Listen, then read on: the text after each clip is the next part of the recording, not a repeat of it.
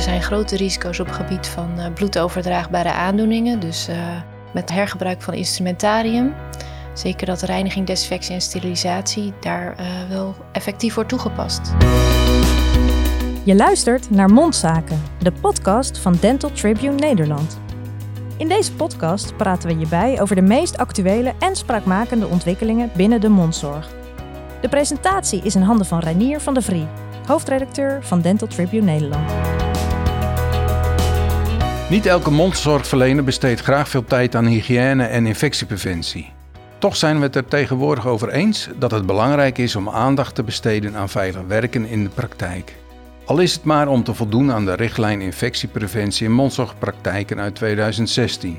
Hoe staat de gemiddelde mondzorgpraktijk er nu voor op dit gebied? Wat gaat vaak goed? Wat gaat er mis? En in hoeverre heeft de coronapandemie iets veranderd in infectiepreventie? Ik praat er in deze podcast over met Ilona Persoon. Ze is standaards en universitair docent bij ACTA en co-auteur van twee recent verschenen online nascholingsmodules over hygiëne en infectiepreventie. Welkom Ilona. Dankjewel Reinier. Aanwezig is ook weer uh, sidekick Wim Attema, tandarts in Bavel. Wim, jij ook welkom bij deze podcast. Dankjewel Renier. Ilona, misschien een uh, open deur, maar waarom is infectiepreventie zo belangrijk? Ja, we willen allemaal natuurlijk de beste zorg voor onze patiënt. Dat hebben we ook uh, beloofd uh, met de eet van Hippocrates toen wij onze wil ontvingen. Wij willen zorgen dat die patiënt niet zieker de deur uitgaat dan dat hij bij ons naar binnen kwam. En behalve zorg voor de patiënt is het natuurlijk ook belangrijk dat we zo veilig mogelijk werken voor onszelf aan de stoel, voor de behandelaars en de assistenten en de andere medewerkers in de praktijk een stukje veiligheid. En wat moeten praktijk en hoofdlijnen voor elkaar uh, hebben? Ja, dat is eigenlijk best wel wat. Uh, je wil natuurlijk een stukje voorbereiding voor de behandeling, tijdens de behandeling en uh, na afloop. Dus voor de behandeling dan kan je denken aan de inrichting van de praktijkruimte. Er moet voldoende bewegingsruimte zijn, ventilatie op orde, de immunisatie van medewerkers, bijvoorbeeld hepatitis B-vaccinatie. Uh, dat mensen de juiste werkkleding hebben, voldoen aan persoonlijke hygiënemaatregelen. Reiniging, desinfectie, sterilisatie van onze instrumenten en de oppervlakte in de praktijk. En tijdens de behandeling heb je natuurlijk uh, waar je aandacht aan moet besteden, is gebruik van persoonlijke beschermingsmiddelen. Uh, ja, veilig omgaan met scherp instrumentarium, zodat je je niet prikt. Of daar dan op de juiste manier mee om kan gaan. En na afloop dan uh, hebben we weer de reiniging, desinfectie, sterilisatie van onze instrumenten en de werkomgeving. En uh, ja, in de praktijk betekent het, we hebben natuurlijk die mooie richtlijn, yeah. maar hoe pas je die nou toe in de praktijk? Dat moet vaak vertaald worden naar protocollen en daadwerkelijk dan worden toegepast. En er is ook een stukje administratieve last bij, zoals uh, hepatitis B-vaccinatie, uh, registratie. En het bestellen van instrumenten, desinfectantia. Een groot deel hiervan dat komt natuurlijk bij de assistenten terecht. Die moeten het, uh, het grootste deel uitvoeren, bestellen en dergelijke. Dus uh, samen moeten we zorgen dat we dan uh, een hygiënische behandeling kunnen uitvoeren. Dus het hele team moet daar aandacht voor hebben. Ja, we dragen daar allemaal aan bij. Ja. ja. En Wim, kun jij je vinden in de regels voor infectiepreventie zoals die nu zo opgesteld zijn? Dat is een lastige vraag in die zin van uh, kun je erin vinden? Ja, het is gewoon noodzakelijk. Uh, er zijn gewoon regels uh, we afgesproken hebben van daar houden we ons aan. En ik denk dat je daar niet aan kunt ontkomen. En dat wil je ook niet, want wat Ilona net zei van je, je, wil, je wil het beste voor je patiënten. Dat, daarvoor ben je. Ja, en die regels zijn ook mede opgesteld door de beroepsorganisaties hè, van, van tandartsen. Ja, uh, kort gezegd, wij als beroepsgroep hebben gezegd van nou, wij committeren ons aan die regels en we gaan ons eraan houden. Kun je wel zeggen van ja, lastig dit en uh, vervelend dat, maar ja, het is niet echt een regel van ik zeg van nou, dat is, uh, dat is overdreven of, of dat, nou ja, hey, dat, dat kan anders. En kost het veel moeite of veel energie om ook volgens de protocollen en volgens de richtlijnen te werken? Het is denk ik een mindset. Hey, ik bedoel, die, die regels die zijn er. Die, uh, naarmate je het vaker doet, naarmate het meer een automatisme wordt. Ja, dan merk je er eigenlijk weer weinig van dat, dat die regels er überhaupt nog zijn. Klopt dat, Elon? Is, dat, is vooral de mindset die uh, belangrijk hierin is? Ja, veel van die regels zijn afhankelijk van het gedrag. Je moet natuurlijk uh, eraan denken om je beschermbril op te zetten, uh, op de handhygiëne op het juiste moment toe te passen en dergelijke. Dus dat ja, kan soms wat verslappen. Uh, en dat, want dat vergt continu de aandacht, inderdaad. Maar je kan het jezelf soms wel veel makkelijker maken door de praktijk op een bepaalde manier in te richten. Waardoor je veel makkelijker bij de handalcohol terechtkomt om die te gaan gebruiken, bijvoorbeeld. En vinden jullie de regels zinvol zoals die er nu zijn? Ja, dat geef je eigenlijk al aan, Wim, dat je dat vindt. Ja, als je dat uh, rapport van 2016 uh, leest, dan, dan is dat toch wel wetenschappelijk onderbouwd. Er zijn heel veel mensen mee bezig geweest die, die en naar de stand van zaken uh, de regels hebben opgezet. Vind jij ze ook zinvol? ik denk zeker dat ze zinvol zijn. Hoewel niet alles helemaal evidence-based is. Uh, daar, wordt, daar wordt nog steeds meer onderzoek naar gedaan. Maar je kan niet alles uh, onderzoeken. Dat is ook niet ethisch verantwoord. Bijvoorbeeld, wat kun je niet onderzoeken? Nou ja, je wil niet mensen blootstellen aan bepaalde micro-organismen in de praktijk en dan je infectiepreventie toepassen en dan kijken of ze er inderdaad niet ziek van worden.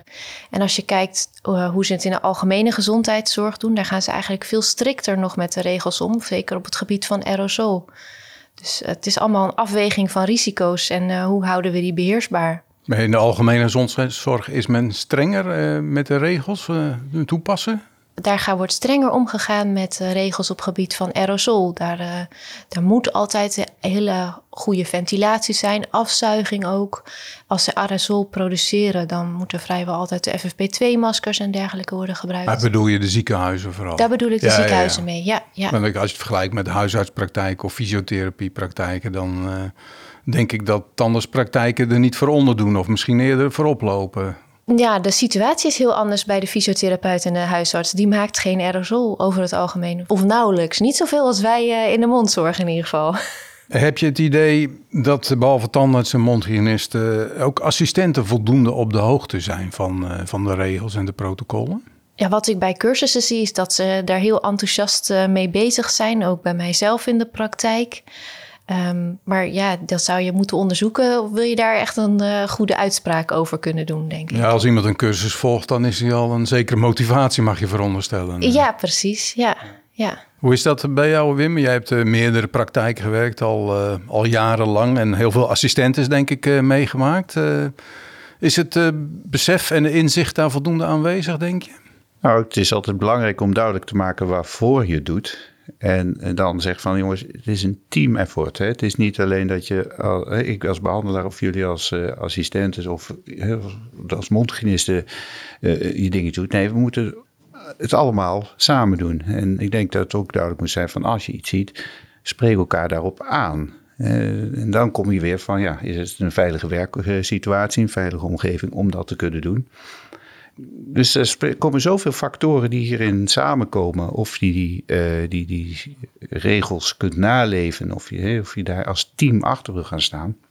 Dat je ja, moeilijk kunt zeggen van nou het ligt aan of alleen de assistenten of alleen de tandarts.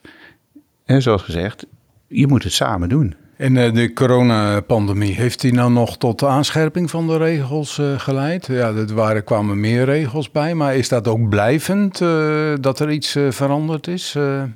Nou, je zag in die leidraad dat sommige dingen wat scherper geformuleerd waren. Bijvoorbeeld op het gebied van persoonlijke beschermingsmiddelen en reiniging en desinfectie van de werkomgeving. Maar in principe stond dat al in die richtlijn. En wat we gezien hebben is dat eigenlijk ventilatie niet zoveel aan bod is gekomen. Uh, in, de, in de originele richtlijn, maar ook niet in de leidraad heel erg. Maar we zien wel in de samenleving, waar grote groepen samenkomen, dat daar wel meer aandacht voor is gekomen. Bijvoorbeeld uh, op scholen en dergelijke. En ik verwacht dat dat wel in de toekomst wat meer aandacht gaat krijgen, ja. Ook bij verbouwingen en uh, nieuwbouw waarschijnlijk zal er denk ik meer aandacht voor komen. Ja, je, zie, je ziet dat al in de, de huidige richtlijn. Daar voor de grote aanpassingen die je moet doen om daaraan te kunnen voldoen. Dat er een periode, een overgangsperiode is. Uh, om rekening te kunnen houden met mensen die moeten verbouwen om daar bijvoorbeeld aan te kunnen voldoen. Wat je zag was dat in basis het hele verhaal al klopte, nog voor, of al voordat die corona uitbrak. je zag al heel duidelijk, we hebben eigenlijk niet veel hoeven aanpassen. Het grappige is dat er ook al een kleine paragraaf gewijd is aan van, nou als er een grote pandemie uitbreekt, wat doen we dan?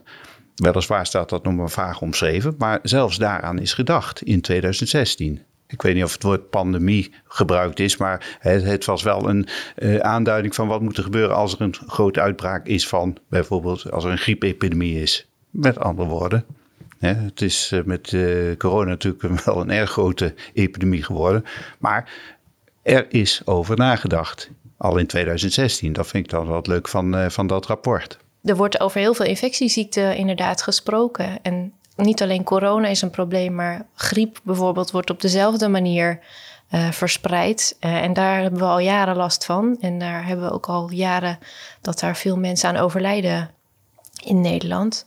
Maar we zien ook andere infectieziekten natuurlijk. Uh, vogelgriep op dit moment, schurft, antibiotica-resistente micro-organismen.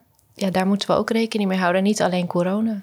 En zijn mensen, praktijken, meer gemotiveerd geraakt, denken jullie, eh, door de pandemie ook om eh, aandacht aan infectiepreventie en beschermingsmaatregelen te besteden? Heb, heb je daar iets van kunnen merken? Ik denk dat de noodzaak duidelijker is geworden. Het belang. Er zijn weinig mensen die het onzin uh, vinden of dat die maar denken van, nou, zo loopt zo'n vaart niet. Oh, die heb je altijd. Kan je wel bepaalde partijen zelfs duiden die dat denken, maar... Uh, nee, maar in de tandheelkundige wereld ook? Ja, ik denk dat uh, de tandartswereld uh, ook een afspiegeling is van de maatschappij. Dus daar heb je altijd hè, de believers en de non-believers. Of precies dat de verkeerde uh, term. Maar, het heeft in ieder geval meer aandacht gekregen bij iedereen. Maar merk je wel eens weerstand tegen? Je bent natuurlijk veel bezig geweest met die infectiepreventie en hygiëne. Je hebt uh, programma's ervoor geschreven. En merk je dan weerstand ook uh, tegen dat onderwerp, dat item? Ja, maar dat was er ook al voor corona. Daar is niks aan veranderd. Daar is niks aan veranderd. Nee. En wat is de weerstand dan? Nou, wat je zelf al aangaf, dat mensen het uh, ja, misschien minder zinvol vinden of veel gedoe, kost veel tijd en ja, ook veel geld. Het is ook minder prettig werken misschien met al die beschermingsmiddelen. Vroeger hoefde je geen mondkapje zelfs op, geen handschoenen. Dat was uh, allemaal veel makkelijker, uh, toch? Was misschien makkelijker, maar er zaten ook meer risico's aan. Ja, dat geloof ik zeker. Uh, ja. Doen Nederlandse praktijken over het algemeen voldoende aan infectiepreventie, denken jullie?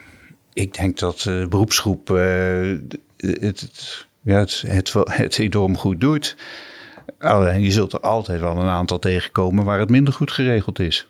Ja, ik denk dat de meeste mondzorgpraktijken, zeker op, er zijn grote risico's op het gebied van uh, bloedoverdraagbare aandoeningen. Dus uh, met hergebruik van instrumentarium. Zeker dat reiniging, desinfectie en sterilisatie daar uh, wel effectief wordt toegepast. Dat we daarmee de grootste risico's zeker beheersbaar houden. Ja, ja. Wat gaat er nou vaak mis? Uh, wat is nou moeilijk om. Uh, wat zijn de moeilijkste dingen om te doen uh, op dit gebied? Ja, er gaat altijd wel wat mis, toch? Dat weet ik niet. Jullie kunnen uit ervaring spreken of weten wat er mis kan gaan. Nou, ik werk natuurlijk ook veel met studenten. Ja, daar gaat makkelijker wat mis. Maar de vraag is of dat hele grote consequenties heeft dat we dat wel uh, voldoende in de smiezen hebben uh, en onder controle kunnen houden. En die moeten het nog leren natuurlijk. Die moeten het ook nog leren. En daar komt ook die veilige uh, omgeving waar Wim het net ook over had, die komt daar wel aan bod. dat je fouten mag maken, maar dat we, dat we met elkaar zorgen dat we toch zo veilig mogelijk omgeving voor de patiënt en onszelf kunnen creëren. Maar wat gaat er dan als eerste mis of wat wordt er vergeten? Of, uh... Nou, wat ik veel zie is mensen die met uh, hun gecontamineerde handschoenen toch overal aanzitten aan hun eigen gezicht of uh, de omgeving. Um, ja, en op die manier de boel ja, kruisbesmetting laten optreden. Er is wel een leuke video uitgebracht van de OSAP op YouTube recent. OSAP? Dat is de Organization for Safety, Asepsis and Prevention in de VS. If Saliva Were Red. Ik zou hem even opzoeken op YouTube. Heel leuk om ook met het team te kijken, om eens inzicht te krijgen van ja, hoe ver komen die micro-organismen nou eigenlijk om ons heen uh, tijdens die behandeling. En waar moeten we dus allemaal op letten om dat weer eh, schoon te krijgen voor de volgende patiënt in de stoel zit. Ja, maar die handschoenen aandoen, daar heb ik ook wel eens filmpjes ook, of uh, foto's van gezien hoe dat moet. En dat luistert heel nauw om dat op een goede manier te doen. Je gaat heel snel de fout in, denk ik. En je moet je aandacht erbij houden, inderdaad. Ja. De mindset uh, waar uh, ja. Wim het over ja, heeft. Ja, precies. Ja, en inderdaad, als je daar een bepaald automatisme mee om, uh, ontwikkelt, dan is dat wel veel makkelijker om dat op de juiste manier te doen. Elke keer weer. Maar daarom is het niet alleen voldoende denk ik om precies de regeltjes te kennen, maar ook het waarom achter de regeltjes. Dat dat het wel makkelijker maakt, eh, denk ik. eh. Ja, daar speelt scholing een belangrijke rol bij. Dus de, de opleiding in eerste instantie en daarna nascholing. Ja. Wim, kost het veel moeite om nieuwe assistenten, uh, assistentes uh, hierin op te leiden of dit uh, ja, onder de knie te, te krijgen? Ja, het, je hebt makkelijk natuurlijk als je een club hebt waar het goed werkt. En je zegt van nou kijk om je heen en vraag dingen. En dan als, als je iets niet duidelijk is, dan, dan vertellen we je het. Zo iemand krijg je wel makkelijk mee. Het is een andere zaak wanneer je in een club komt waar eigenlijk heel weinig aan infectiepreventie wordt gedaan. Dan, dan heb je een hele, ja, een redelijk lange weg te gaan om het op niveau te krijgen. En dan krijg je inderdaad van die vragen, ja waarom dan? En moet dat nou? En is dat nou echt nodig? Hoe vind jij dat er in de praktijk aandacht aan besteed uh, moet worden? Moet je daar regelmatig uh, uh, dat aan de orde stellen op een teambespreking? Er zijn altijd dingen die je, die je moet aanpunten. Maar ten principale, je bent als behandelaar ben je verantwoordelijk als praktijkeigenaar. Dus jij moet je club aansturen. En ja, het is soms wel eens lastig als je hè, voor, de, voor de vierde of vijfde keer iets mis ziet gaan. Maar blijf erop aansturen. Blijf dat vooral doen. Ja, ja. Wat zou er nog beter kunnen op dit gebied? Nou, we zien bijvoorbeeld, uh, er worden heel veel nieuwe materialen en uh, methodes ontwikkeld uh, voor de patiëntbehandeling, gewoon überhaupt. En die zijn niet altijd helemaal geschikt om op de manier dat we dat nu doen, bijvoorbeeld reiniging en desinfectie en sterilisatie van instrumenten toe te kunnen passen. Dus dan of um, moet er meer worden meegenomen van hoe kunnen we die instrumenten gebruiken in de praktijk. Ja, of dan na afloop over nagedacht worden. En waar doel je dan op? Ja, ja ik vind het lastig om geen merknamen te noemen. Maar, um, nou ja, voor de behandeling, voor welke behandelingen gaat het om? Uh... Nou, zeker voor restauratief werken zie je dat er heel veel verschillende soorten hoekstukken op de markt komen. Um, met allemaal hoekjes en gaatjes en ribbeltjes en dingen. En de vraag is of dat helemaal goed schoon wordt in een thermodesinfector bijvoorbeeld. Dat zou de fabrikant of de leverancier dan toch uitgetest moeten hebben eigenlijk? Of uh, hebben die daar geen uh, richtlijn of verantwoordelijkheden in? Die hebben daar zeker verantwoordelijkheden in. Maar soms uh, komt daar dan een, een, instructie bij die niet helemaal werkbaar is.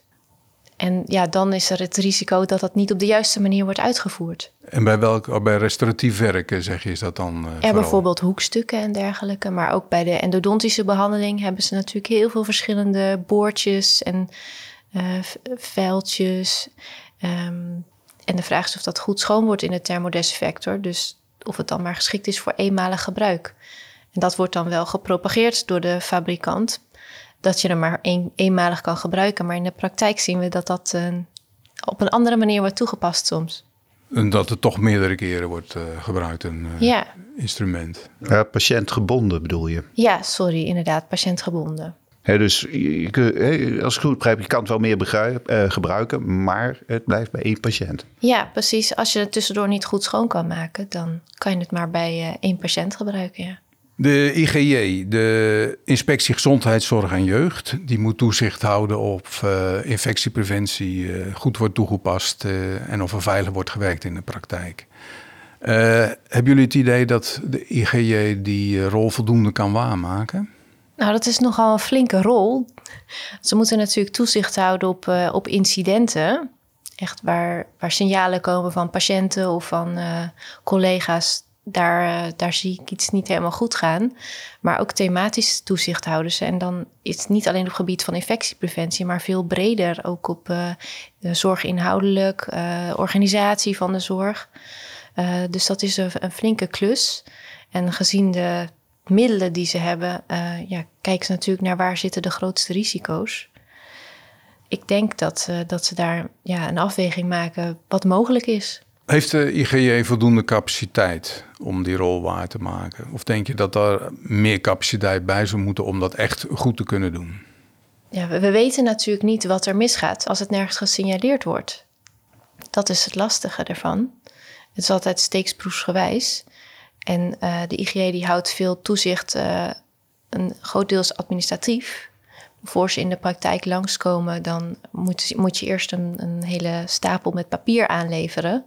En als daaruit blijkt dat het niet goed gaat of dat ze verbeterpunten zien, dan komen ze pas langs. Maar ja, als ze denken dat het niet goed gaat, dan ga je eigenlijk wel een heel verbetertraject in. Dus je krijgt wel de kans om het dan te verbeteren. Dus het moet wel echt heel slecht gaan. Willen ze de deur dicht uh, doen? Willen ze een praktijk sluiten?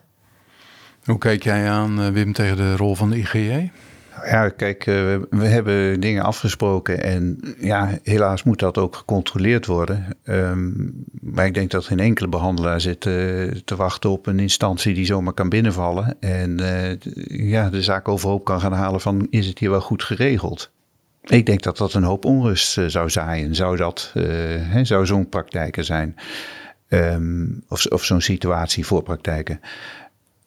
Ik denk dat het wel is dat, het, uh, ja, dat je ook wel hoort dat er wel zaken gesignaleerd worden waarop niet zo snel gereageerd wordt. We hebben met Ed Kolsteeg erover gehad, over de controle van de röntgenapparaten. Hij zei van nou, we weten dat er een aantal praktijken zijn waar niks geregistreerd is. En ja, nu uiteindelijk gaan we daar eens controleren. Met andere woorden, er zit wel een redelijk vertragende factor in, in uh, tussen, laten we zeggen, het signaleren en de actie die ondernomen wordt. Maar ik denk niet dat de IGJ de enige is die een vinger aan de pols moet houden. Ik denk dat we ook als beroepsgroep samen verantwoordelijk zijn. Uh, als we dingen signaleren die we denken die beter kunnen, dat we daar ook zelf actie op kunnen uh, nemen. En niet per se hoeven te wachten op een IGJ die gaat handhaven. En wat voor uh, signalementen bedoel je dan? Dat een collega-praktijken het niet goed doen misschien? Ja, bijvoorbeeld als je dat in de regio doorkrijgt van bijvoorbeeld nieuwe patiënten die bij je in de praktijk komen, dan kan je daar zelf wel actie op ondernemen. Het gesprek aangaan waar we het eerder over hadden. En mocht dat toch een hele lastige situatie zijn, dan zijn er ook wel handvatten te vinden. Bijvoorbeeld de KNMT, natuurlijk het vertrouwenspunt tandarts.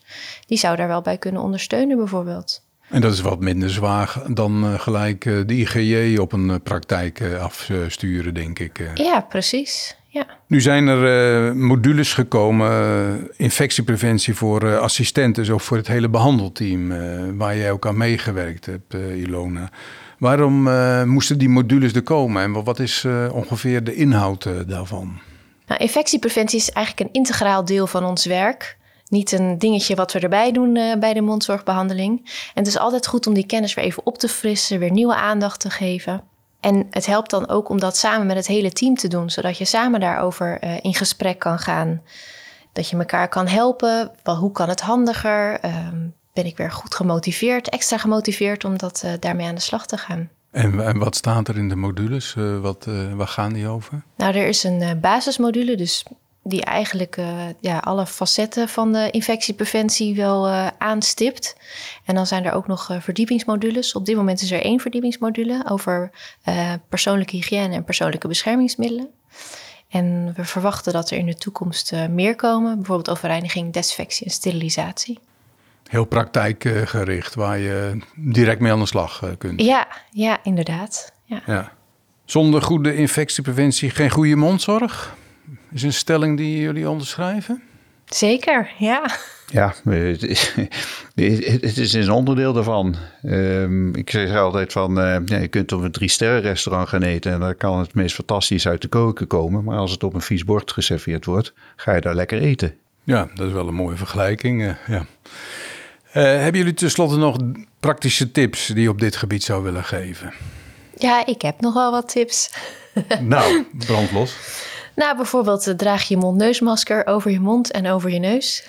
Daarom heet het ook mond-neusmasker. Ja, ja, dat klopt. Het is een open deur. Maar gaat dat in de praktijk dan ook zo vaak fout? Kijk, in, uh, bij publiek uh, kan me dat voorstellen dat die daar niet zo aan ging tijdens de coronapandemie. Maar ehm, gaat het in de praktijk ook vaak fout? Ik denk wel dat daar wat heen en weer geschoven wordt. Het is natuurlijk wat moeilijker communiceren als er mondneusmasker voor je neus zit. Maar als je dicht op die patiënt zit, uh, dan is het wel verstandig om het wel op de juiste manier te dragen. Anders dan word je niet beschermd erdoor. Nee, dat was tip 1. Dat was tip 1, ja.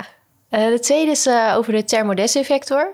ik zie toch wel vaak dat bijvoorbeeld mandjes behoorlijk vol worden geladen.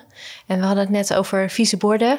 Als je die in de vaatwasser zet, dan zet je ze ook niet uh, allemaal dicht tegen elkaar aan, want anders worden ze niet schoon. Hetzelfde geldt voor het instrumentarium wat uh, in de thermodesinfector gaat. Je hebt de indruk dat dat ook vaak, of nog niet altijd goed gaat, laat ik het zo zeggen. Ja, ik denk dat daar wel nog wel wat te verbeteren valt. Ja. En de, de, de derde tip, uh, ja, praat met elkaar over infectiepreventie.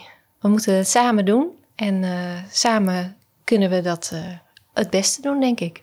Wim, heb jij nog tips uh, tot slot? Nou ja, op dat laatste wil ik uh, graag inhaken. Want ik zei van, nou, uh, spreek elkaar aan als je dingen ziet. en probeer zo te, het op een hoger niveau te brengen. Oké. Okay.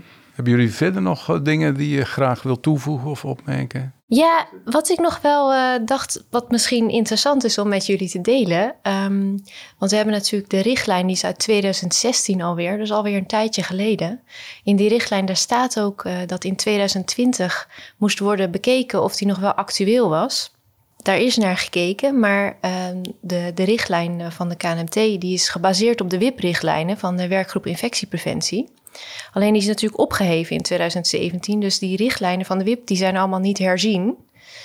En sinds uh, kort hebben we het samenwerkingsverband richtlijnen infectiepreventie, de SRI.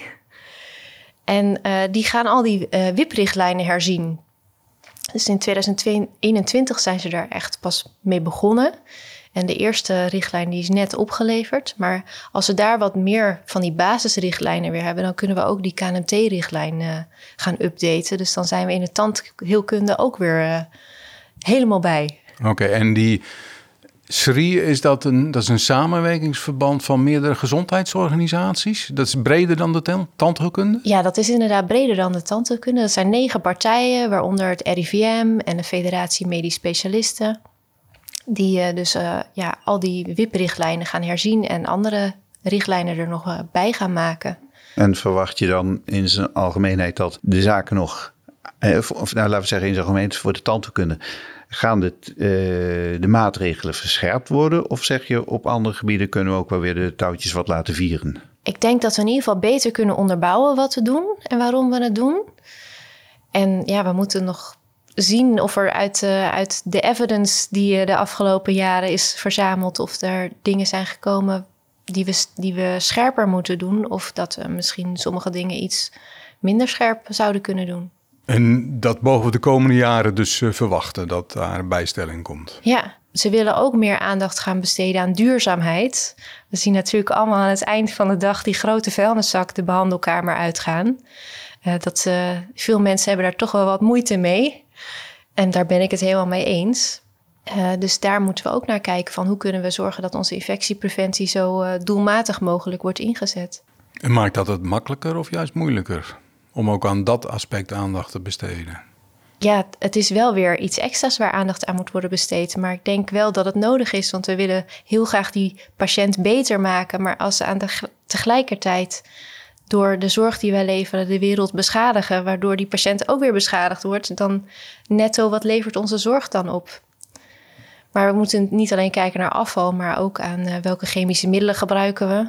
Die kunnen natuurlijk het milieu beschadigen. Waar komen onze spullen vandaan? Hoe worden ze gemaakt? Waar worden ze van gemaakt? En uiteindelijk is uh, de meest duurzame zorg is de zorg die we niet hoeven leveren preventie. Ja. ja. Misschien of, uh, een beetje buiten het uh, kader, maar uh, bij de ACTA, hoe wordt daarmee omgegaan? Hoe, hoe is daar een werkgroep mee bezig, met name duurzaamheid? Ja, we hebben Green ACTA op, op ACTA, dus de werkgroep die houdt zich bezig daarmee. Dat zijn studenten en medewerkers. En um, ja, je hebt op ACTA's natuurlijk niet alleen zorg wat daar wordt geleverd. Uh, daar wordt op verschillende plekken ja, wordt gekeken wat kunnen we daaraan doen. Het is een grote instelling, dus niet alles is mogelijk, maar we zijn er zeker mee bezig. Bijvoorbeeld op de prekliniek, uh, daar wordt uh, zonder handschoenen gewerkt, waar op fantoomoefeningen worden gedaan. Om, om toch wat te besparen daarin aan, aan materialen die, die zomaar weggaan in de prullenbak, zonder dat de student daar echt iets van leert op dat moment. Wanneer ze op de kliniek zijn, dan gebruiken ze natuurlijk wel gewoon handschoenen. Voorheen werden er wel handschoenen eh, gebruikt eh, bij uh, fantoompoppen. Ja, ja, maar werden er ook heel veel weggegooid. Als de student dan eventjes naar de docent toe moest om iets te laten zien, dan ging dat paar weer in de prullenbak. Ja, ja bang voor kruisbesmetting natuurlijk. Dat was de bedoeling om dat aan te leren, ja. ja. Maar goed, dat voert wel inderdaad een beetje ver. Maar interessant onderwerp. Ik wil jullie heel hartelijk eh, danken. Ik denk dat er wel weer wat meer inzicht is gekomen in infectiepreventie. En dat het ook uh, het eind, uh, of dat het zich steeds ontwikkelt. Dus dat het ook de maatregelen en richtlijnen daar wel steeds in zullen veranderen. En dat je daar alert en scherp op moet zijn. Dank jullie wel. Dank je wel. Graag gedaan. Dit was Mondzaken, de podcast van Dental Tribune Nederland. Wil je geen enkele aflevering missen? Abonneer je dan via je favoriete podcast-app. Heb je tips, leuke suggesties of vragen over deze podcast? Stuur dan een mailtje naar redactie@dental-tribune.nl. Voor ontvangst van onze krant of online nieuwsbrief kun je je aanmelden op onze website www.dental-tribune.nl. Graag tot de volgende podcast.